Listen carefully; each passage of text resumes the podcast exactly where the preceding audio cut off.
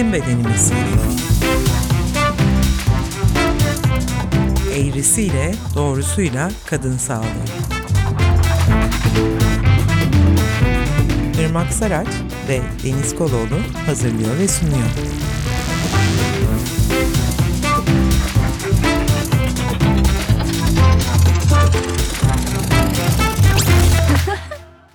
Bizim Bedenimiz Podcast serisinin 19. bölümünden herkese merhaba. Ben Deniz Koloğlu. Ben Irmak Saraç. Bugün de bir konuğumuz var. Ecmel, merhaba. Hoş geldin Ecmel. Hoş buldum. Çok kısaca bahsetmek gerekirse diğer bölümlerden hiç detaya girmeyeceğim. Bu bizim 5. jinekolojik muayene ile ilgili bölümümüz.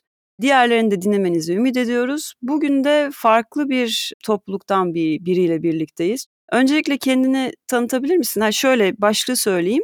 Trans erkek, trans maskülen ve non-binary bireylerde yani ikili cinsiyet dışında kendini tanımlayan bireylerde jinekolojik muayeneyi konuşacağız. Bununla ilgili bize destek olmak üzere de Ecmel Deniz aramızda. Merhaba Ecmel tekrar. Merhabalar, ben Ecmel Deniz. Trans erkek aktivistim. Lambda İstanbul'da gönüllüyüm. Bunun haricinde de şu an kapsama alanında aktif olarak çalışıyorum. Kapsama alanında senin de bahsettiğin gibi trans erkeklerin, maskülenlerin ve non-binary'lerin jinekolojik sağlığa ve cinsel sağlık bilgisine erişimlerini araştırıyoruz. Bu konuyu gündem etmeye çalışıyoruz şu an. Çalışma yaparken biz açıkça itiraf etmek gerekirse transmaskülen tabirini bilmiyordum. Daha bilmediğim bir sürü tabir olduğunu sanıyorum. Bunu araştırırken işte doğru anlatıyorsam hani kendisini trans bir birey olarak belirten ve nasıl diyeyim erkek dem, demeliyim ya da eril taraflarının, maskülen taraflarının çok olduğunu ama hiçbir şekilde de kendini erkek ne de kadın olarak tanımlamak istemeyen bireyler doğru mu? Ee, yani çeşitlilik göstermekle birlikte aslında hani doğru bir, bir trans kavramın çatı kavramı olarak alırsak orada çeşitlenebiliyor. Bazı translar kendine direkt olarak erkek denmesini tercih ediyor. Kimileri trans erkek diyor, kimisi trans maskülen diyor. Ama masküleniteyi ve maskülenliği benimseyen translar e, kendisine trans maskülen demeyi de tercih ediyor. Trans erkek demek yerine aslında bu birazcık da böyle erilliği de dışlayan bir yerde durduğu için tercih edilen bir şey. Ben kendime trans erkek demeyi tercih ediyorum. E, aslında daha çok politik bir konumlanma. Kimi yerlerde kendime trans diyorum, kimi yerlerde erkek diyorum. E, içinde olduğum konuma göre ee, benim de pozisyonum değişiyor savunuculuk yapmaktan ötürü diyebilirim. Hani bu tarif Ecmen cinsiyetin ne kadar e, akışkan bir şey olduğunu da böyle anlatırken hani bazen onu kullanıyorum bazen onu kullanıyorum demem bile bana çok iyi hissettirdi. O hani ikili kalıbın çok daha dışında böyle akışkan bir şey sanki böyle geçişken bir şey hoşuma gitti. Teşekkür ediyorum. Ya biraz öyle zaten Irmak'ın da dediği gibi gerçekten çok da akışkan da bir şey. Mesela bizim bu yaptığımız araştırmada biz bunu gördük. Anketlerde genelde işte kadın, erkek ya da diğer denmesi tercih ediliyor. Biz anketimizi açık uçlu yapmayı tercih ettik ve yani 30'dan farklı tanımlama hani var. Ee, işte trans bir tanımlama, trans erkek bir tanımlama, işte kadın bedeninde bir erkeğin bir tanımlama oluyor. E, kişilerin yaşam deneyimleri kendilerinin cinsiyet kimliklerini nasıl tanımlayacağını da aslında çok etkiliyor. O sosyo-kültürel çevre çok etkiliyor. Ben bir aktivist olarak, bir trans hakları savunucusu olarak kendime trans erkek e, demek çok kolay ya da trans maskülen demek çok kolay gelebiliyor. Ama bazı trans erkekler e, transseksüel erkek demeyi tercih ediyor.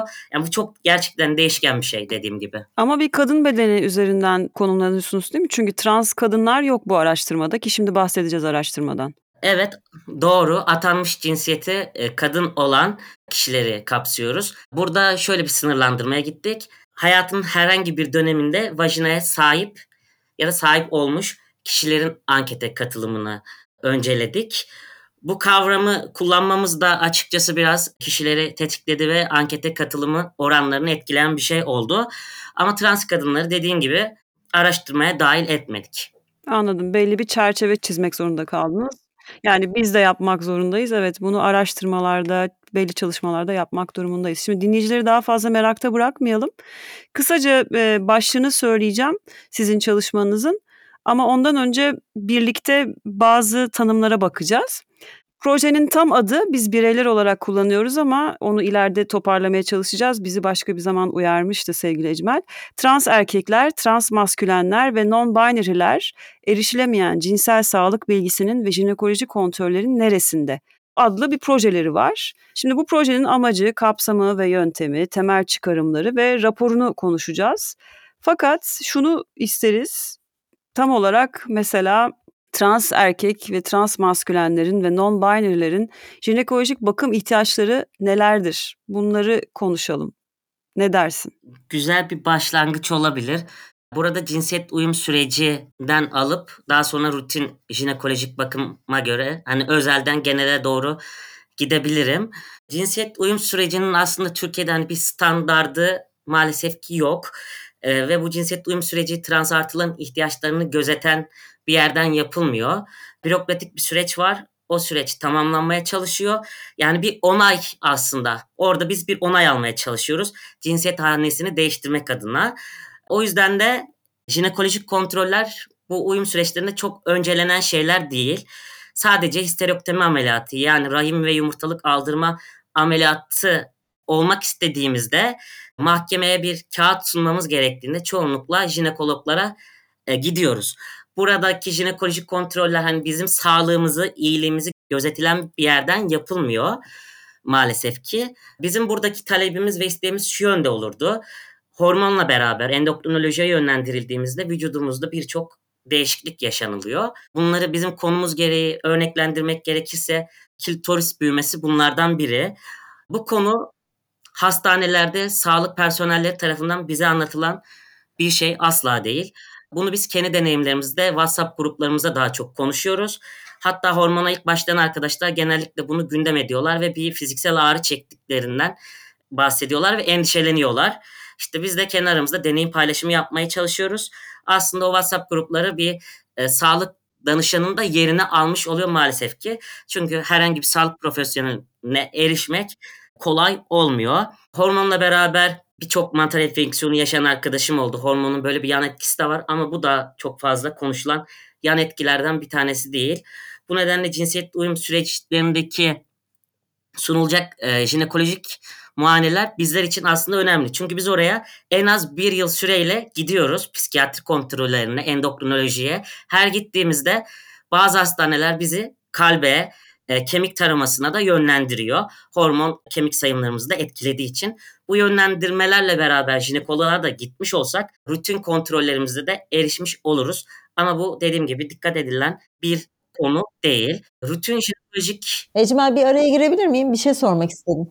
Tabii. Bu uyum sürecinde hani kimlik değiştirmek için sonuçta bu ameliyatlar özellikle rahim ve yumurtalıkların alınma ameliyatları biraz da tırnak içerisinde üremeyi engellemek üzere yapılan ameliyatlar. Hani sizin e, normal şartlarda bu ameliyatları kimlik değiştirmek için olması gerekmese trans erkeklerin böyle bir çalışma okumuştum. Bir kısmı hiç böyle şeylere girmeyeceğini, direkt olarak kimliğini değiştireceğini söyleyen bir çalışma okumuştum. Sen, senin bu konudaki görüşün ne? Yani bu böyle olur muydu Türkiye'deki ya da senin temasta olduğun insanlar arasında nasıl? Çünkü bizde bayağı bir prosedür var cinsiyet değiştirme yani o kimlikteki kadın erkek değişimini yapabilmek için. Ama benim bildiğim kadarıyla İskoçya'da falan beyanla bu kimlikler değişebiliyor bildiğim gibi kadarıyla. Evet birçok ülkede bu ameliyatlara gerek kalmadan değiştirilebiliyor. Dediğin doğru birçok kişi bu prosedürler olmasa bunu tercih etmeyebilir. Aslında burada bir e, kolektif hafıza da oluşturulmuş oluyor. Bu ameliyatlar bazı translar için işte rahim eşittir kadın genitali olarak görüldüğü için diyorlar ki bu genitalden kurtulmam lazım. Ben kadın değilim ve bana ait hiçbir şey istemiyorum. Kadın bedenine ait hiçbir şey bende olsun istemiyorum. O yüzden rahmimi aldıracağım. Aslında bu burada bir toplumsal hafıza işin içine girmiş oluyor. Biz her ne kadar ortak bir dilde uzlaşırsak ve işte e, rahim eşittir kadın organı değildir diyebilirsek ben bu algının da değişeceğini düşünüyorum. Bu ameliyatların ciddi sağlık sorunlarına yol açabileceği hiç konuşulmuyor. Sadece uyum süreci prosedürlerince işte bu yapmalısın, 6 ay sonunda şunu yapmalısın gibi bir gidişat var. Kişiler de koştur koştur hani bir an önce süreçlerinin e, bitmesine odaklanmış durumdalar. Ben kişisel deneyimimden hani biraz bahsedebilirim. Ben ameliyat izinlerimi aldım. 2 yıl kadar oluyor. Henüz histerektomi ameliyatımı olmadım ama. Bunun da şöyle bir nedeni var. Rahim ve yumurtalık ameliyatını olduktan sonra bir gün hormona erişim sağlayamazsam kaygısı yaşıyorum. Bu kaygımın da belli sebepleri var. Birincisi e, Türkiye'deki sağlık politikaları her ilaca her zaman ulaşmak mümkün değil ve özelleştirilmiş trans artılara yönelik bir sağlık politikası yok. Bu ilaçları zaten tek kullanan kişiler de translar değil. E, Birçok kişi bu hormon ilaçlarını kullanıyor. E, bir gün hani bu ilaçları erişememe korkusu beni bu ameliyatı olmaktan geri tutan şey. Çünkü yumurtalıklarımı aldırdıktan sonra herhangi bir hormon üretimi vücudumda olmayacak. Dışarıdan da onu takviye edemeyeceğim ve bu kemik say- sayımını hani çok ciddi ölçüde etkileyen bir şey olmuş olacak.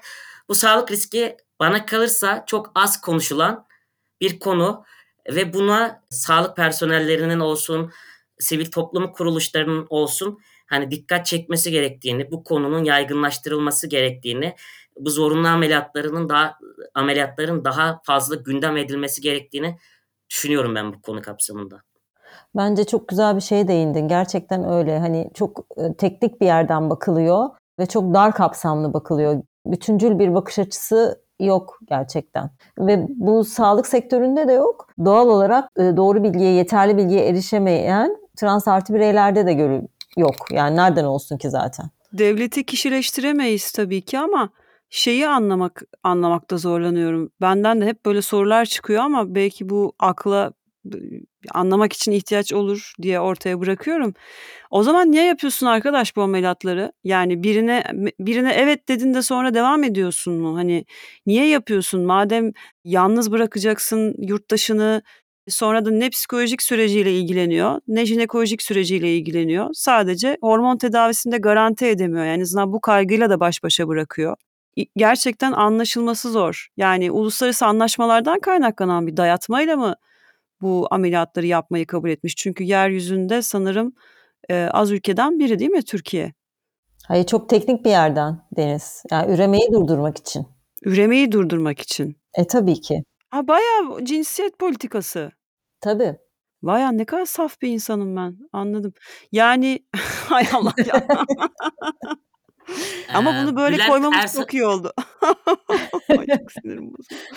Evet Bülent Ersoy dedin Ecmel. Bülent Ersoy'dan sonra aslında bu ameliyatlar ülkemizde yapılmaya başlanıyor. Yani Bülent Ersoy siyasi olarak tartışmalı bir kişilik olsa da trans komiteye işte ameliyatların Türkiye'de hani yapılmasını sağlaması için ciddi bir mücadele vermiş zamanında. O dönemden itibaren bu ameliyatlar Türkiye'de yapılıyor ama Irmak'ın dediği de kesinlikle öyle bir yerden hani üremeyi engellemek buradaki temel motivasyon. İşte zaten penis ameliyatları ve vajinoplasti ameliyatları cinsiyet uyum süreçleri kapsamında zorunlu tutulan ameliyatlar oluyor. Bunlar da yine aslında erişmesi çok zor ameliyatlar. Çoğu devlet hastanesinde olmayan, pahalı, ekonomik olarak karşılanması güç ameliyatlar. Ayrıca ameliyatta dediğin gibi bitmiyor. Öncesi, ameliyatı ve sonrası var. Gerçekten kolay gelsin. Sen askıya alabiliyor musun peki? Onayım alıyorum. 10 yıl geçerlilik süresi var. Bu kendin karşılamaya kalksan epey de pahalı ya da karşılayabiliyor musun? Yani tedarik edebiliyor musun? Velev ki param var mesela. Hormon ilaçları gün geçtikçe pahalılaşıyor. Sustanon ve testosterona ulaşmak görece daha kolay ama östrojen hormonlarına ulaşmak ekonomik olarak çok daha zor ve çok daha pahalı ilaçlar. Peki iki önemli şeyde dikkat çektin. Bunu ancak bir süreçte öğreniyoruz diye. Klitoris büyümesi ve yaşanılan mantar enfeksiyonu. Altını çizmek istedim. O mantar enfeksiyonu tabii şeyden kaynaklanıyor. Sonuçta bir vajina var ve vajinanın kendine ait bir florası var. Ama onu o flora östrojen tarafından desteklenen bir flora. Östrojen yerine testosteron geldiğinde flora değişiyor ve fırsatçı enfeksiyonlar mantar çoğunlukla olabilir ama diğer başka fırsatçı enfeksiyonlarda görülebilir hale geliyor. Ama şey beni de şaşırttı. Klitoris büyümesinin en azından endokrinin falan söylemesi gerektiğini düşünüyorum. Yani hormonları başlarken bunları göreceksin. Sadece kıllanmadan mı bahsediliyor? Evet genellikle kıllanma üzerinden ilerliyor. Bir fotoğraf şeması sunuluyor. Belki adet görüp görmeyeceğinizi falan söylüyor olabilirler diye düşündüm. Çünkü hani testosteron alırken de adetler hemen kesilmiyor bildiğim kadarıyla. Bir süre sonra kesiliyor. Belki onlar hakkında bilgi veriliyor mu? Onu da bilemedim şu anda. Ya işte çok değişken. Aslında bu uyum süreçleri e, doktorların da biraz inisiyatifiyle ilerliyor. Buradaki birkaç bilinçli, e, kapsayıcı doktor bu görevi üstlenmiş oluyor. Her şehirde olması gereken uyum süreçleri yok. Üçüncü derece sağlık kuruluşu olan her hastane, her eğitim araştırma hastanesi bu hizmeti aslında vermek zorunda. Ama çok e, az şehirde e, cinsiyet uyum süreçleri var ve doğru bir şekilde ilerlemiyor. Doktorların yeterli bilgisi olmuyor. Dediğim gibi sadece işte imzayı ver, mahkemeye yönlendir şeklinde. Yani bazı hastaneler bu bilgilendirmeleri yapıyor. İşte bazı ben, benim deneyimimde mesela şemalar vardı kullanma üzerinden. İşte birinci derece, ikinci derece, üçüncü derece olarak bunlar sınıflandırılmış. Ama dediğim gibi yeterli bilgilendirmeler maalesef ki yok. Bu programda kotaramayız tabii. Yani şu rahim bir kadın organıdır e, cümlesi tanımlaması değiştirilirse birçok nasıl diyeyim arada kalan ya da sen nasıl tarif etmiştin Ecmel? Onlar özgürleştiricidir ve daha e, rahat hissedeceklerdir gibi bir şey kullandın. Tam bağlamını karıştırmayayım. Bir hatırlatır mısın? Ya şöyle rahim eşittir hani kadın organı algısı disforiyi translar özelinde tetikleyen bir şey.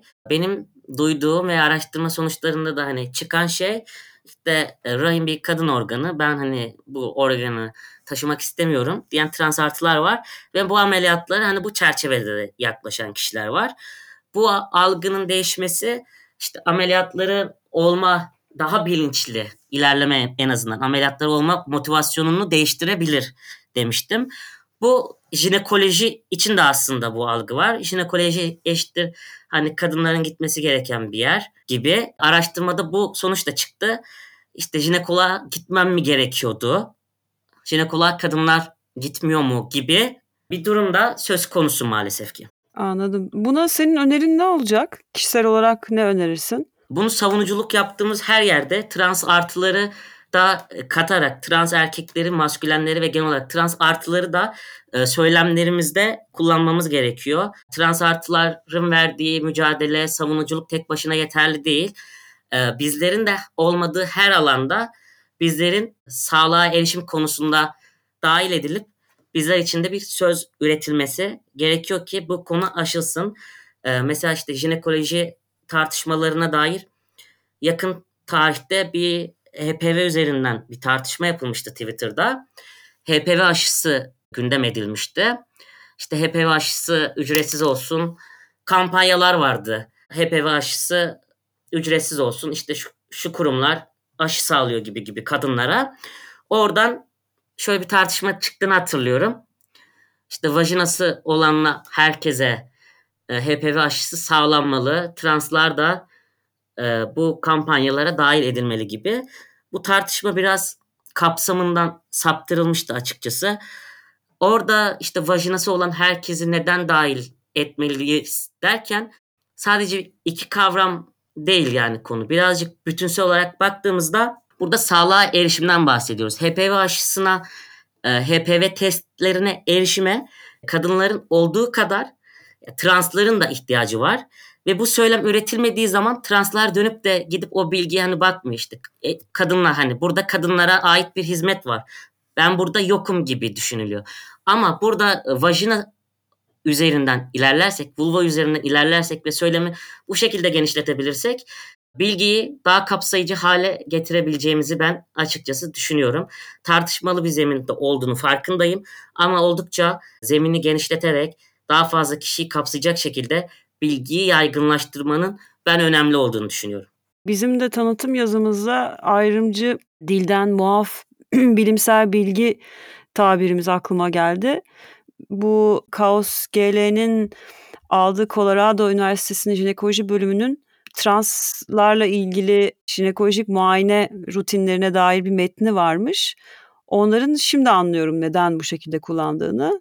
Oradan bir alıntılama yapayım ve rutin jinekolojik bakım ihtiyaçlarına geçelim istersen cinsiyet uyum sürecinden sonra. Serviks gibi üreme organlarını koruyan trans ve non-binary hastalar rutin jinekolojik bakıma ihtiyaç duyar. Rahim ağzı, rahmi, fallop tüplerinden birini veya her ikisini ve veya yumurtalıkları tutan translar rutin jinekolojik muayeneye ihtiyaç duyar. Tekrar vardı içinde ama bu şekilde söylediğimizde daha kapsayıcı oluyor doğru mu? Kesinlikle güzel bir tanımlama olduğunu düşünüyorum ben de. Pardon bir Irmak'a sormak istiyorum. Sen neresinde hissediyorsun bu tartışmanın kendini? Ya şeyi çok önemsiyorum. Gerçekten de rahimi, rahim ağzı, yumurtalıkları, tüpleri, vajinası, vulvası olan trans artı ve non-binary bireylerin de rutin jinekolojik muayene her yıl gelsinler gibi bir şey bir yerden demiyorum ama şikayeti oldukları olduğunda gelebilirler. Rahim ağzı kanseri tarama testini düzenli olarak yaptırmalarını önermek zorundayız. Çünkü rahim ağzı durduğu sürece rahim ağzı kanser riski var. Ve bunun da kanser olmadan yakalanmasının tek yolu tarama testlerini yaptırmak. Ya da memesi duran gene keza aynı şekilde mastektomi olmamışlar içinde meme kontrollerini yaptırmak önemli. E, bu açılardan jinekolojiye gelinebilmesini en azından yani bu sadece hani kadınların gittiği bir yer olarak değil de gittiklerinde de bir ayrımcılıkla karşılaşmayacaklarından emin olup kendilerini güvende hissedip gelebilecekleri bir yer olarak görülmesi gerekir. Yani benim kişisel düşüncem bu. Jinekolojinin kelime şeyi nedir hiç bakmadım açıkçası. Latinceden geliyor herhalde. Evet evet. Kadınlardan geliyor işte jin. Hmm, jin. Okey. Tamam. Ha, Kürtçe'de de jin. Ama zaten aynı kökenleri. Evet evet. Hint Avrupa mıydı? Evet. evet geldik Ecmel. Sizin rutin jinekolojik bakım ihtiyaçlarınıza bağlamı dahilinde dediği gibi Irmak'ın hani büyük ihtimal hormon replasmanı almakta olan kişiler olabilir bunlar ya da kimler olabilir biraz bize bahseder misin? Ya aslında yani tüm trans artıların bu trans maskülenler, non-binary'ler, trans erkekler kapsamında konuşuyorum. Düzenli olarak hani jinekolojik kontrollere gitmesi gerekiyor. Bu hormon alsın ya da almasın, ameliyatların olmuş olsun ya da olmasın her kişinin gitmesi gerekiyor ama burada bence önemli olan şey gitme durumların ne kadar ve neden gidemiyorlar? Bu ihtiyaçlar neler? Biraz bunları konuşmak. Bizim araştırmamızda 380 kişiden mesela %58'i büyük bir oranı hayatında hiç jinekoloğa gitmemiş ve yaş ortalaması araştırmamızın 26. Yani bu yaş grubunun jinekoloğa gitmesi gerektiğini e, ben şahsen düşünüyorum. Düzenli olarak jinekoloğa gidenlerin oranı sadece %5 ve çoğu trans artı jinekoloğa giderken kendisini rahat hissetmediğini ve tek başına gidemediğini belirtiyor. Yani %60'lara varan bir oranla tek başıma rahatlıkla gidemiyorum diyor. İşte yanlarına bir kişi alarak e, gidiyor. Kişisel deneyimlerimde de bu böyle. E, WhatsApp gruplarımızda bir kişi jinekoloğa gitmek istediğinde önce işte bir doktor arama süreci var. Hangi doktora gitmeliyim? Nereye gideyim? Tavsiyeniz var mı? E, doktor arama süreci kişisel deneyimler üzerinden hani ilerliyor. Bir doktor bulunuyor. İşte arkadaşlar yanında birisi refakat edebilir mi gibi süreçler devam ediyor ve gittiğimiz yerler trans yoksulluğunu düşündüğümüzde tezat bir şekilde özel hastaneler ilk tercihte. Devlet hastanelerinin gitme oranı çok ama çok az. En fazla gidilen yerler özel hastaneler ve cinsiyet uyum sürecinin yürütüldüğü eğitim araştırma hastaneleri olmuş. Bu da aslında şaşırtıcı bir şey değil. Çünkü bizim insanlara tavsiye ettiğimiz, deneyimlerimiz sonucunda önerdiğimiz jinekologların çoğu özel hastanelerde oluyor. Çok daha az da olsa devlet hastanelerinde de jinekologlar var. Kişilerin neden jinekoloğa gitmediğine baktığımızda ya birçok ortak deneyim var aslında kadınların yaşadığı ama fa- tabii ki farklılaşan deneyimler de burada çok fazla. Farklılaşan deneyimlerden biraz bahsetmek gerekirse sonuçlardan çıkan en önemli bulgu doktor kimliğinde yazan isimle hitap edilmesi. Birçok trans artı kendisine bir isim seçiyor ve kimliğinde yazan atanmış ismini kullanmıyor. O atanmış ismin orada kullanılması, ısrarlı özellikle ısrarlı bir şekilde kullanılması kişinin konfor alanından çıkartan, kendisini rahat hissedememesini sağlayan çok önemli bir faktör. Ya da trans olarak açıldıktan sonra hanımefendi, kızım şeklindeki beyanlar işte bu tarz ifadeler yine kişilerin e, uzaklaşmasını sağlıyor. Evet şöyle bir şey söylemek istiyorum. Oysa ki ne kadar basit değil mi? Yani sadece şunu söylese karşısına gelen biri size nasıl hitap etmemi istersiniz? Bunu geçenlerde de konuştuk değil mi Deniz? Size nasıl hitap etmemi istersiniz sorusuna vereceği cevap zaten kendi seçtiği isim olacak. Ve bu her şeyi de değiştirecek bir şey. Yani sonuna bey ya da bilmem bir şey eklemesine de gerek yok. Sadece o ismi kullanmak bile o güven güveni terkin edecek bir şey. Kesinlikle öyle. Gitmeme nedenlerine baktığımızda ise işte transfobiyle karşılaşma e, endişesi e, en çok öne çıkan başlıklardan biri. Bu transfobinin altına işte bu isim, beyanları dahil edebiliriz. Ee, yaşanan diğer en büyük sorunlardan bir tanesi de cinsel yönelim ve cinsiyet kimliğini açıklayamama hali. Bu neden önemli? Oradaki cinsel yönelimi açıklayamadığımızda aslında e, erişmemiz gereken sağlık hizmetine de tam olarak erişememiş oluyoruz. Çünkü oradaki hastanın yaşam öyküsünü doktor doğru bir şekilde dinlememiş oluyor. Kişisel deneyimlerime dayanarak da mesela şununla karşılaşmıştım. Ee, ben orada cinsel yönelimden, cinsel pratiklerimden doktora bahsetmeye başlıyorum. Bana diyor ki tamam bu seni ilgilendirir, senin özel hayatın. E, tam olarak bunlardan bahsetmem gereken yerde değil miyim? Burası değilse burada konuşmayacaksam nerede konuşacağım? Hiç içi kaldırmıyor herhalde. Hay Allah ya. Kurban olduğumun. Evet. Çok saçma değil mi ya? bir diğer rahatsızlık duyulan konu e, ya bu e, konuda ortaklaşıldığını hani düşünüyorum. Doktor ifadelerin konuşma tarzının üstenci ve kaba ve rahatsız edici oluşuyor. Aslında hani kişiler orada dinlenilmediğinden, anlaşılmadığından yakınıyorlar. Bunlar kişilerin jinekoloğa gitmelerin önü. Ekleyebiliriz belki.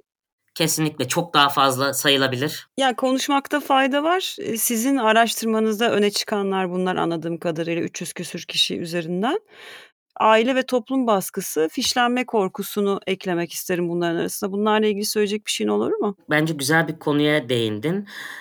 Bu özellikle bana şey hatırlatıyor. Anonim test merkezlerini ve belediyelerin e, jinekolojik muayene hizmetleri oluyor. Az da olsa var. Bunların ne kadar hani çoğalması gerektiğine belki vurgu yapabiliriz. Kişiler ailelerine haber gitme endişesi çok fazla yaşadığını gördüm. Özellikle kürtaj deneyiminden bahseden arkadaşlarımda ben bunu görüyorum. İşte doktora gidersem aileme bir şekilde haber gider mi? Kimliğim ifşa olur mu? gibi bir endişe olduğundan e, kişiler sağlık sorunlarını daha çok kendileri çözmeye çalışılıyor. Yine bu WhatsApp grupları üzerinden bir dayanışma var. İşte hangi ilacı kullanmalıyım? Böyle bir şey yaşadım. Hani aynı şeyi yaşayan var mı? Aslında burada kişiler kendi sağlık sorunlarıyla başa çıkmak için fiziksel sağlıklarını öteleyip mental sağlıklarını önceliyorlar. Yani burada o transfobiyle karşılaşma endişesi o kadar yoğun ki o fiziksel sağlığını o acıyı hani ben çekeyim yeter ki işte o mental sorunla baş başa kalmayayım.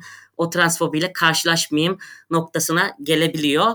WhatsApp grupları yine bir sağlık danışmanı görevi görüyor maalesef. Halbuki başka türlü travmaya maruz kalıyor öyle olunca. Yani nereden baksak elimizde tutsak elimizde kalıyor. En çok karşılaşılan jinekolojik muayenelerde karşılaşan şeylerden biri yapılan işlemlere dair bilgi verilmemesi, rıza alınmaması, bu travmatik deneyimler yine jinekoloğa gitmeyi olumsuz etkileyen deneyimlerden biri. Yine araştırma bulgularına göre en az bir kere jinekoloğa giden katılımcıların %43'ü gitme sıklığını azaltıyor. %30'a yakın kişi de gitmeyi bırakıyor tamamen. Yani aslında katılımcıların birçoğu bir kere hani hayatında jinekoloğa gitmiş oluyor. Zaten e, düzenli olarak giden kişi sayısının çok az olduğunu söylemiştim.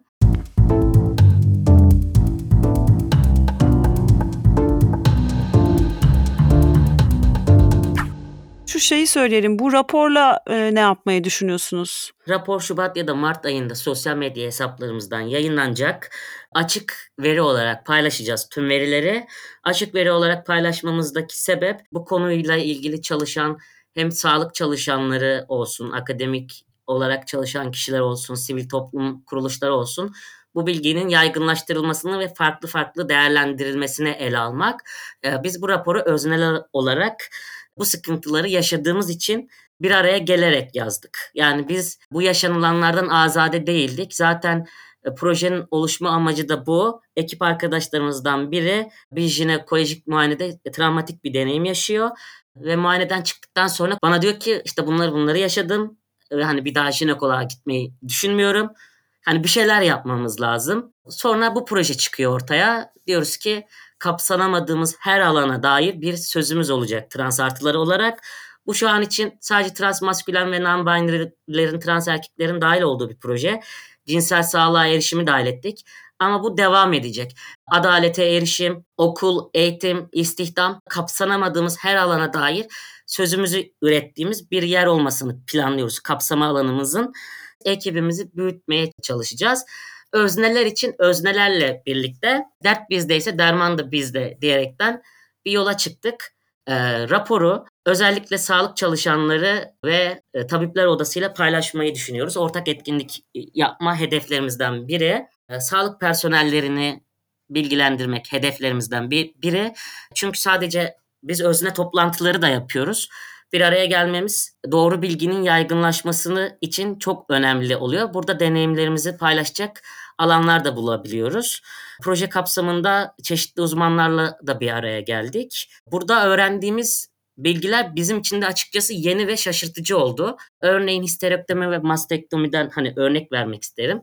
Mastektomiye dair bir uzman çağırmıştık. Mastektomi sadece işte yine bir süreç kaps- kapsamında genellikle özelde yapılan bir işlem ve doktorlar hani herhangi bir bilgilendirme yapmıyor. Sadece işte e, fiziksel acılara dair ya da iyileşme sürecine dair bir bilgilendirme yapılıyor. Ama bize gelen uzman şeyden bahsetti. Hani siz mastektomi olsanız dahi meme taramalarına devam etmelisiniz. Bu kişinin yaşam öyküsü değerlendirilerek karar verilmesi gereken bir şey. Çünkü mastektomide hani ekoller olduğundan bahsetti. Bazı ekoller tüm meme dokusunu almayacak şekilde bu ameliyatı yapıyormuş. Bunun olup olmadığını hani kişi bilemez bir uzmana danışıp risk faktörleri değerlendirmeli ve buna göre meme taramaları planlanmalı demişti. Histerektomide de bize yapılan hani işlemden asla bahsedilmiyor. Mesela rahim ve yumurtalıklar alınacak. Ama tam olarak alınan ne? Nasıl bir işlem yapılıyor? Neden yapılıyor? Uzmanlar tarafından bilgilendirilen bir şey yok. Histerektomi sonrası tarama yapılması gerekiyor mu? Yapılmaması mı gerekiyor? Bu bilgilere ulaşmak dahi bizler için hani zor oldu. Kişisel olarak uyum sürecine gittiğim hastanede endokrinoloğa ve işte jinekoloğa gittiğimde yani bazı sorular yönelttiğimde şöyle yanıtlar alıyorum. İşte biz de bilmiyoruz, biz de sizinle öğreniyoruz ya da kalp sağlığına dair bize testler yapılıyor bir çeşit.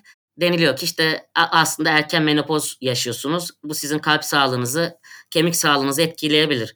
Ne gibi etkileri var? Yine derin bir sessizlik ya da işte bir kolaya kaçma olarak da görüyorum. Ve kapsama alanı olarak hani bu bilgileri bulma, edinme ve yaygınlaştırma e, görevini de şimdilik edinmiş durumdayız. Bence çok önemli bir şey yapıyorsunuz. Ellerinize sağlık. Hiçbir şey olmasa bile trans erkek, trans maskülenlerin, non-binary'lerin neden jinekolojik muayeneye gelemedikleri, bunların nedenlerini bile göstermek çok öğretici. Sizinle öğreniyoruz, yolda öğreniyoruz hikayesi. Şöyle bir şey, benim tıp fakültesi eğitimim bu konuda kapsayıcı değildi. Yani bu konudaki bilgileri ben gerçekten yolda öğrendim. Ama tabii translar gel- geldiği için öğrenmedim. E, bu konuyu merak ettiğim için öğrendim. Çünkü sonuçta örneğin Amerikan College of Obstetric Gynecology yani Obstetrik ve Jinekoloji Cemiyeti'nin sitesine girdiğinizde LGBT artı bireyler trans uyum sürecindeki bireylere jinekolojik yaklaşımda nelere dikkat edilmesi gerektiğine dair guideline'lar çıkıveriyor önünüze. Bu üreme meselesini şu yüzden gündeme getirdim. Türkiye'de uyum sürecinde cinsiyet değiştirme süreçlerinde ürememe üzerine sistem kurulu. Bu yüzden bu ameliyatlar çok öncelikli. Ama mesela Amerika'da bu kişilere yumurta dondurma, sperm dondurma imkanları veriliyor. Sonuçta o yumurtalar döllenerek taşıyıcı annelerle vesaire genetik ilişkili çocuk sahibi olabilmeleri imkanları var. Bu danışmanlıklar veriliyor. Ya da sonuçta cinsel yönelimden bağımsız olarak hali hazırda rahimi ve yumurtalıkları olan bireyler eğer bir penis vajina penetrasyonu içeren cinsellikler yaşıyorlarsa korunmaları da çok önemli mesela. Çünkü gebe de kalabilirler. Testosterona rağmen yumurtlama olabilir, dozu yetmiyor olabilir, adet görüyor olabilirler.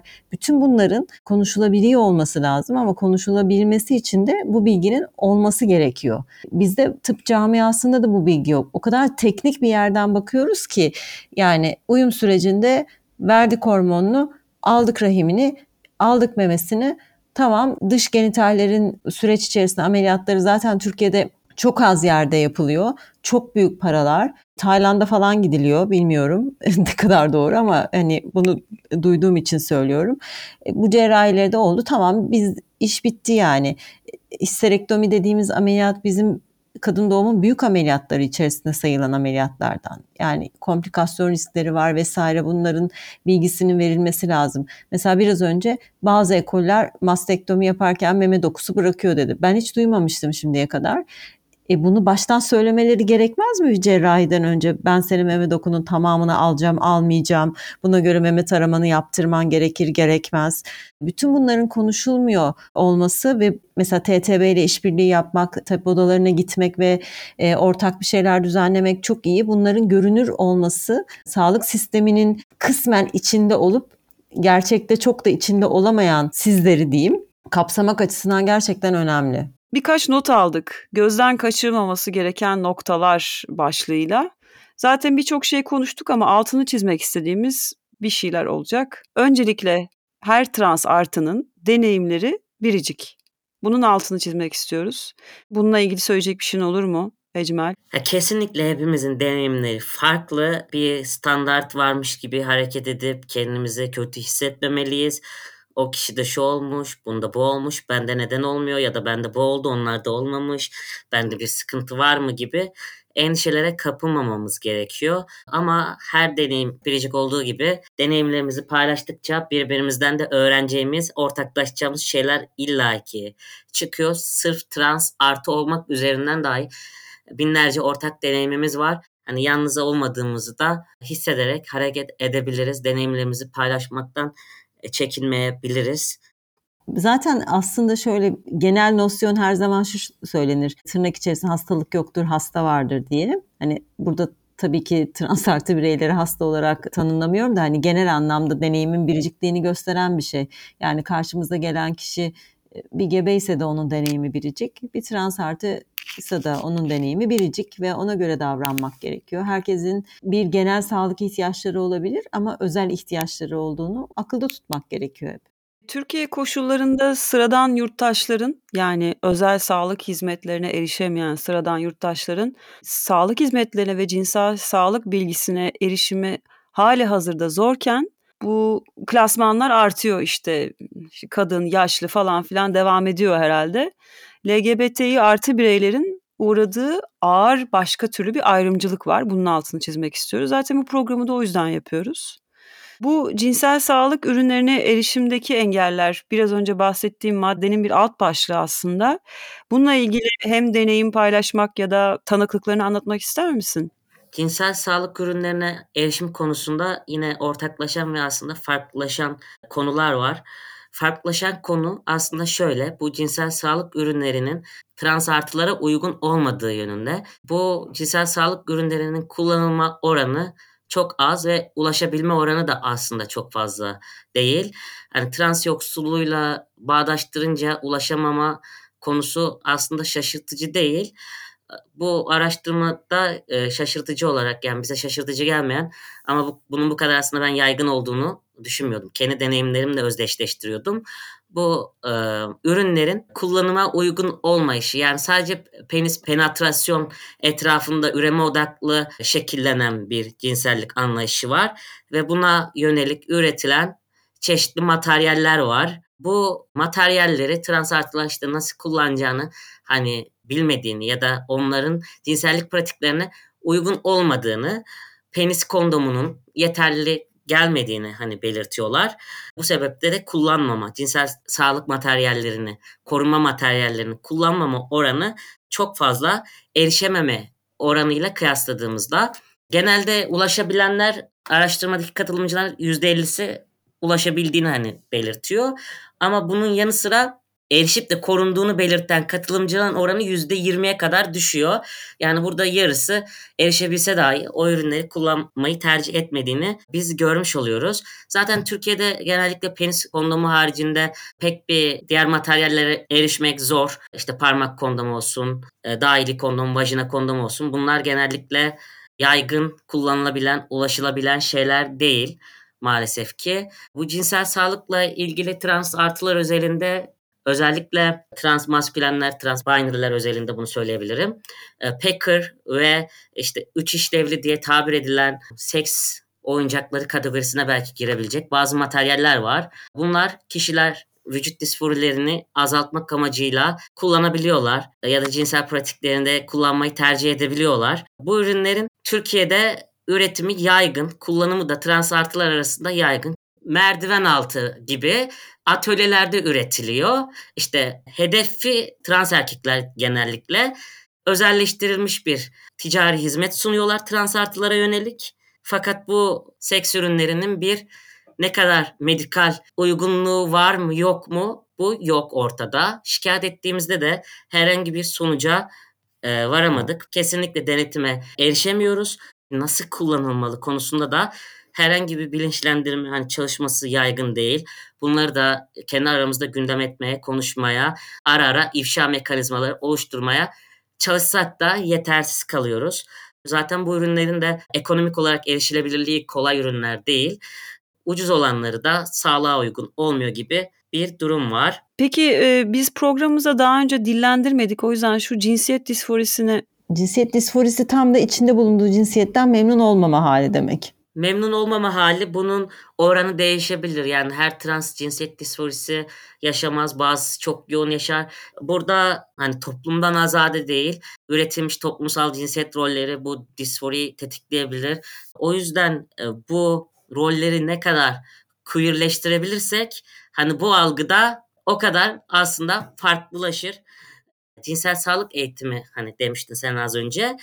Cinsel sağlık e- eğitimi sivil toplum kuruluşlarının verdiği eğitimlere dahi baktığımda kendi deneyimlerime dayanarak e, genellikle tüm cinsiyet kimliklerini, yönelimleri hani ben kapsamadığını açıkçası düşünüyorum.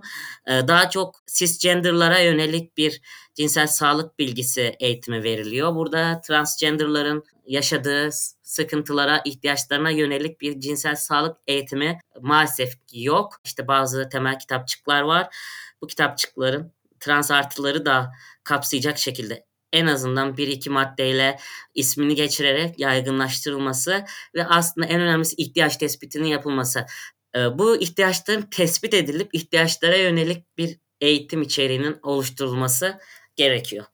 Türkiye'de dönüşüm ameliyatını geçirirseniz eğer geçirecekseniz üreme hakkından feragat et- etmek zorundasınız. Bunun sebebi devletin bu insanların üremesini istememesiymiş. Bu şekilde hiç bakmamıştım. Yani bakmıştım da bu çıplaklıkla duymak bana çok ağır geldi. Bununla yaşamak ne kadar ağır tahayyül edemiyorum. Kişisel olarak bununla ilgili bir cümlem var mı Ecmel? çocuk sahibi olmak isteyen çok e, trans artı var. E, kendi adıma hani ben böyle bir endişe hissetmiyorum fakat bu işlemin hani zorunlu oluyor oluşu zaten başlı başına bir insan hakkı ihlali olduğunu düşünüyorum. Kesinlikle. Burada şey söylemek istiyorum. Yani sonuçta üremek isteyebilir, istemeyebilir. Bunun kendi seçimi olabilmesini sağlayabilmek. Yani gene de rahimle aldırabilir ama yumurtalarını dondurabilir ve başka türlü sonuçta bir trans birey için gebeliğin devam ettirmek de çok zor olabilir bir ruhsal süreçler olarak ama yumurtalarını dondurup taşıyıcı bir anneyle gene bir genetik ilişkili bir çocuk sahibi olabilir. Bu hakkın verilebilmesi, bunun danışmanlığının verilebilmesi ve bunların da sağlanabilmesi aslında konuşmak istediğimiz şey. Yoksa sadece rahimi dursun durmasın değil konunun hani buralarının hiç görülmüyor olması. Irmak belki şeyden bahsedebilirsin. Yani yumurtalıkların alınması durumunda nasıl bir sağlık sıkıntısı yarattığına dair bir bilgin varsa belki e, bunu dinleyicilerin duyması güzel olabilir. Yani çünkü sadece üremeyle de ilgili değil. Tabii şöyle bir şey var. Şimdi bir hormon yumurtalıklar yumurta üretim aşamalarında yani bir yumurta ürerken e, salgıladıkları östrojen hormonu kadın genital sisteminde başka başka pek çok yerlere dokunuyor. Genel sistemik olarak baktığımızda işte kalp sağlığı ve kemik sağlığı önde olmak üzere pek çok yere olumlu özelliği var. Kalp sağlığı açısından bakarsak iyi huylu kolesterol, kötü huylu kolesterol dengesini iyi huylu lehine koruduğu için kadınlarda menopoz öncesindeki kalp krizi riskleri daha düşük trans bireyler testosteron almaya başladıklarında sonuçta yumurtalıklar baskılanıyor ve artık östrojen üretimi e, yumurtalıklar durduğu için olmuyor ve testosteron devreye giriyor. Testosteron kalp sağlığı açısından daha riskli bir hormon. Bu kolesteroller üzerindeki etkisinden dolayı. Ama gösterilmiş ki çalışmalarda testosteron e, alan trans bireylerde o kalp krizi riskli böyle korkunç e, şeylere oranlara ulaşmıyor. Gene de aralıklı olarak kolesterol seviyelerini ölçtürmeleri onlar açısından genel sağlık açısından öneriliyor. Kemik sağlığı açısından testosteron da kemikleri koruyucu etkisi olduğu için hani kemik erimesi testosteron ulaşımı olduğu sürece devam edecektir. Onunla ilgili bir sıkıntı olmaz. Ama östrojen eğer e, testosterona ulaşamayacaksa ve östrojen yani yumurtalıkları da durmuyorsa o zaman işte ciddi bir kemik erimesi sıkıntısı yaşayabilirler. Çok teşekkür ederiz. Bir de şöyle bir algı var. Belki ona da değinmen güzel olur. WhatsApp gruplarında genel bir konuşma biçimidir bu. İşte histerektomi oldum, e, bel çevrem inceldi, histerektomi oldum, sakallarım arttı. İşte çünkü artık östrojen üretmiyorum, e, kadın hormonum yok, e, artık işte sadece erkek hormonum var gibi hani karşılaştırmalar da yaygın olarak bazı e, trans artılar arasında üretilen bilgiler arasında. Bunu nasıl sen değerlendirirsin? Nasıl bu fikri dönüştürebiliriz? Feminist bir yerden. Şimdi testosteron alırken de adet görebiliyor trans bireyler. Yeteri testosteron düzeyi yeterli değilse ve başlangıçta da bir süre görebiliyorlar. Bu durumda gerçekten tabii ki östrojenin etkisi hala var demektir. Ama histerektominin kendisi tek başına yani rahimin kendisi bir hormon salgılamadığı için rahimin alınması herhangi bir e, kıllanmaya artışa faydası olacak bir şey olamaz. E, yumurtalıklarda testosteron etkisiyle zaten hormon salgılamadıkları sürece Dolayısıyla onların da aslında e, testosteron kullanan bireylerde e, kıllanma olup olmayacağına bir katkısı olmaz. O yüzden de bu ameliyatların kendisinin bir kişiyi tırnak içerisinde daha erkek yapmayacaktır. Bu çok en başında söylediğimiz rahim eşittir kadınlık e, üzerinden kabul edilmiş bilgiler diyeyim. Ee, şeyi de hatırlatmakta fayda var. Bu gözden kaçırılmaması gereken noktaların son maddesi bizim tarafımızdan eklenmiş. LGBTİ artı topluluklarda engellilerin görünürlüğü. Araştırmanızda hiç engelli var mı? Araştırmamızda engelli herhangi biri olup olmadığını hani öyle bir sorumuz olmadı. Bunu mülakatlarda biz ulaşmaya çalıştık. Çünkü bir anket yaptık. Ardına bir de mülakat yapmaya çalıştık. Ama erişebildiğimiz bir şey olmadı. Kapsam olarak sadece engelliler için yapabildiğimiz şey şu oldu. Sosyal medya hesaplarımızı körlerin de erişebileceği şekilde görsel betimlemeler e- eklemek ve ürettiğimiz materyalleri, kitapçıkları da bu şekilde yine körlerin de erişebileceği şekilde e, görsel betimlemelerini yapmak oldu. Belki de engellilik çalışan topluluklarla iletişim halinde olmak lazım. Bu konunun da üstüne ayrıca eğilinmesi gerektiğini ve diğer tüm LGBT komitenin de buna hani özen göstermesi gerektiğini ben düşünüyorum. Trans artılar özelinde şöyle bir deneyim biliyorum bir arkadaşım üzerinden. Cinsiyet uyum süreçlerine hani engelli, e, işitme engelli trans artılar yanlarında bir işte işaret dili çevirmeniyle gidiyorlar ve bu devlet bunu hani herhangi bir şekilde sağlamıyor. E, benim bir arkadaşım bunu bireysel bir yerden kendi imkanlarıyla yapıyor ve yetişemiyor. Hani çok fazla işitme engelli trans artı var cinsiyet uyum sürecinde biz ne yapabiliriz gibi Lambda'ya aslında gelmişti ve buradan çalışmaya başlamayı ümit ediyoruz. Bir kontak kişisi e, araştırmanın kapsamını e, gerçekten çok etkilen bir şey. Mesela biz bu araştırmaya başlamadan önce bunun için çok daha fazla çaba sarf etseydik o cinsiyet uyum sürecinde o kişilere de o kişi aracılığıyla belki ulaşabilecektik. Bu konuya da buradan bir öz eleştiri belki vermek iyi olur. Değinmen de bence çok önemli. E, senden bir önceki konum, konumuz kördü. E, dolayısıyla bizim de farkındalığımız onunla görüştükten sonra daha çok arttı. Konumuzun adı Benay Öz, Gözkaman Özgün'dü. Sonlara doğru yaklaştık Ecmel. Ee, şimdi dönüşümü sağlamak gerekiyor. Sivil örgütler, bireyler bunların ateşleyicisi olabilir ama asıl sorumluluk tabii ki devlette başlıyor, bitiyor. Biz ortaya bırakmak üzere toplumda bu dönüşümü, farkındalık dönüşümünü ve farkındalığın sonucunda da yurttaşların sağlık hizmetlerinden eşit şekilde yararlanabilmesi için LGBTİ artı ve trans artılar bağlamında temel gereklilikler nelerdir diye bir hatırlatalım. Öncelikle sağlık hizmetlerine erişim. Sonra sağlıklı muayene süreleri. Genelde bunların hepsi bütün yurttaşları kapsıyor. Hasta hakları yönetmeliğinin hastalar tarafından tanınması, yani sağlık hizmeti talep eden insanlar, hastalardan kastımız bu, tanınması ve bilinmesi. Kapsayıcı cinsel sağlık eğitimi, doktorların yani aslında tıp dünyasının, tıp eğitiminin ikili cinsiyet sisteminin ötesinde bir anlayışa sahip olması. Bunun için de eğitim almaları. Bu anlamda da sizin kapsama alanının projesi ki projenin ismini de tekrar edelim. Trans erkekler, trans maskülenler ve non-binary'ler erişilemeyen cinsel sağlık bilgisinin ve jinekoloji kontrollerinin neresinde? Projesi mesela amaçlarından biri de tıp eğitiminin içine veri sunmak. Ben öyle tar- tanımladım. Yanlışsa düzelt. Senin ekleyecek neyin olur Ecmel? Tıp eğitimine veri sunmak amaçlarından biri ve sağlık çalışanlarıyla bir araya gelmek, politika üretmek de aynı şekilde amaçlarımızdan bir tanesini e, oluşturuyor. Yani sağlık politikalarının açıkçası dönüşmesini bekleyecek zamanımız yok. Dönüşmesi için elimizden geleni yapıyoruz ama bu çok uzun bir süreci kapsıyor. O yüzden küçük küçük adımlarla içinde olabildiğimiz her yere dahil olarak hani ittire ittire e, deyim yerindeyse dönüştürmeye çalışıyoruz. Tabipler odasına dahil olabilmek bile uzun zamanlar sonrasında hani olabilmiş bir şey LGBT artılar için. Ama bugün tabipler odasıyla birlikte çalışmalar yapabildiğimiz bir noktayız. Hal böyleyken tabipler odasının dışlanıyor olması Evet, kayyum atanması. Dışlanmak çok şey kibar ve duygusal bir tarif oldu.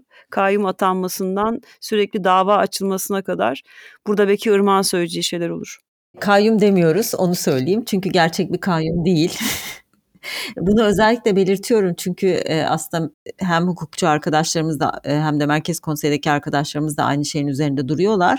Dışarıdan bir grup atanmadı e, tabii ki seçilmiş bir merkez konseyi mahkeme kararıyla görevine son verilmesi yani bu seçilmişlerin görevden alınması kabul edilebilir bir şey değil. Ama atanan kişiler dışarıdan insanlar değil hali hazırda TTB üyesi olan ve tabip odası 5 tane tabip odası başkanı bir ay süreyle sadece ve sadece seçime götürmek üzere yani tekrar delegeleri çağrı yapıp kongreyi toplayıp seçime götürmek üzere görevlendirilmiş kişiler şu anda gerekçeli karar yeni açıklandı. İstinaf sürecine girilecek ve sonrasında bekleyeceğiz neler olacak diye. TTB ve tabip odası da tabii ki toplumcu bir sağlık bak e, sağlık e, politikası anlayışıyla çalışma yürüttüğü için tabii ki duyarlı ve daha kapsayıcı olmaya çalışıyor ama onun da açıkta kaldığı yerleri bu şekilde tamamlamak bence çok güzel. Çünkü sonuçta bunun karşısında değiliz. Hiçbir zaman da değiliz ben bir TTB'li olarak. E, bunu gönül rahatlığıyla söyleyebilirim. Tabip odasında e, ortak çalışma yapmak, bu raporu orada sunmak, için zeminin hazırlanması, TTB'ye sunabilmek vesaire çok çok önemli ve dönüşümü de başlatacak şeyler olduğunu düşünüyorum. E, sonuç olarak zaten benim bireysel olarak da hedefim ve TTB'nin de hedefi e, herkes için eşit, kapsayıcı, ulaşılabilir sağlık hizmetinin devlet politikası haline gelmesi ve sağlanabilir, sağlanması aslında. Ecmel, Irmak sona geldik. Özellikle Ecmel senin ekleyecek, çıkarmak isteyecek olduğun bir şey var mı? Keşke söyleseydim diyeceğim sonradan bir şey aklıma gelir. Ama her sohbet biraz yarımdır. Konuşmaya devam edeceğiz. Bence şöyle yapalım. Bunun devamı gelebilir. İhtiyaç sahipleri, merak edenler e, bize ulaşmak isteyebilir, size ulaşmak isteyebilir. Hadi kontak verelim. Bizim için bizim bedenimiz at gmail.com. Onun dışında sizin sosyal medya hesaplarınız sanırım sadece Instagram var. O ve mail verebilirsin. Bunları infoya da ekleyebiliriz. Şu an telaffuzda edersen iyi olur bence. Et kapsama alanı 2 ile gmail.com aynı şekilde Instagram hesabı da kapsama alanı 2 ile. Bize bu hesaplardan ulaşabilirsiniz her zaman. Katkı sunabilirsiniz. O şekilde. Çok teşekkür ederim beni davet ettiğiniz için, alanı açtığınız için. Valla e, biz teşekkür ederiz. Bizi de aydınlattığın için. Çünkü bizim eksik kaldı. Yani benim şahsen eksik kaldığım alanlarda epey e, bilgi sahibi oldum sayende ve çalışmanızın sayesinde. Elinize yüreğinize sağlık. Ecmel katıldığın için çok teşekkür ederim. Kapsama alanına da yaptığı bu güzel çalışma için teşekkür ediyorum. Raporun kendisini görmeyi sabırsızlıkla bekliyorum. Sunumunuzu dinlemeyi sabırsızlıkla bekliyorum. İnşallah tabip odasında yaparız. Tekrar teşekkürler. Bizim Elemiz Podcast serisinin 19. bölümünden ve jinekolojik muayene serisinin de 5. bölümünde bir konuk ağırladık. Ecmel Deniz. Ecmel teşekkür ederiz tekrar. Hoşçakalın. Ben Deniz Koloğlu. Hoşçakalın. Ben Irmak Saraç. Bir sonraki bölümde görüşmek üzere diyorum ben.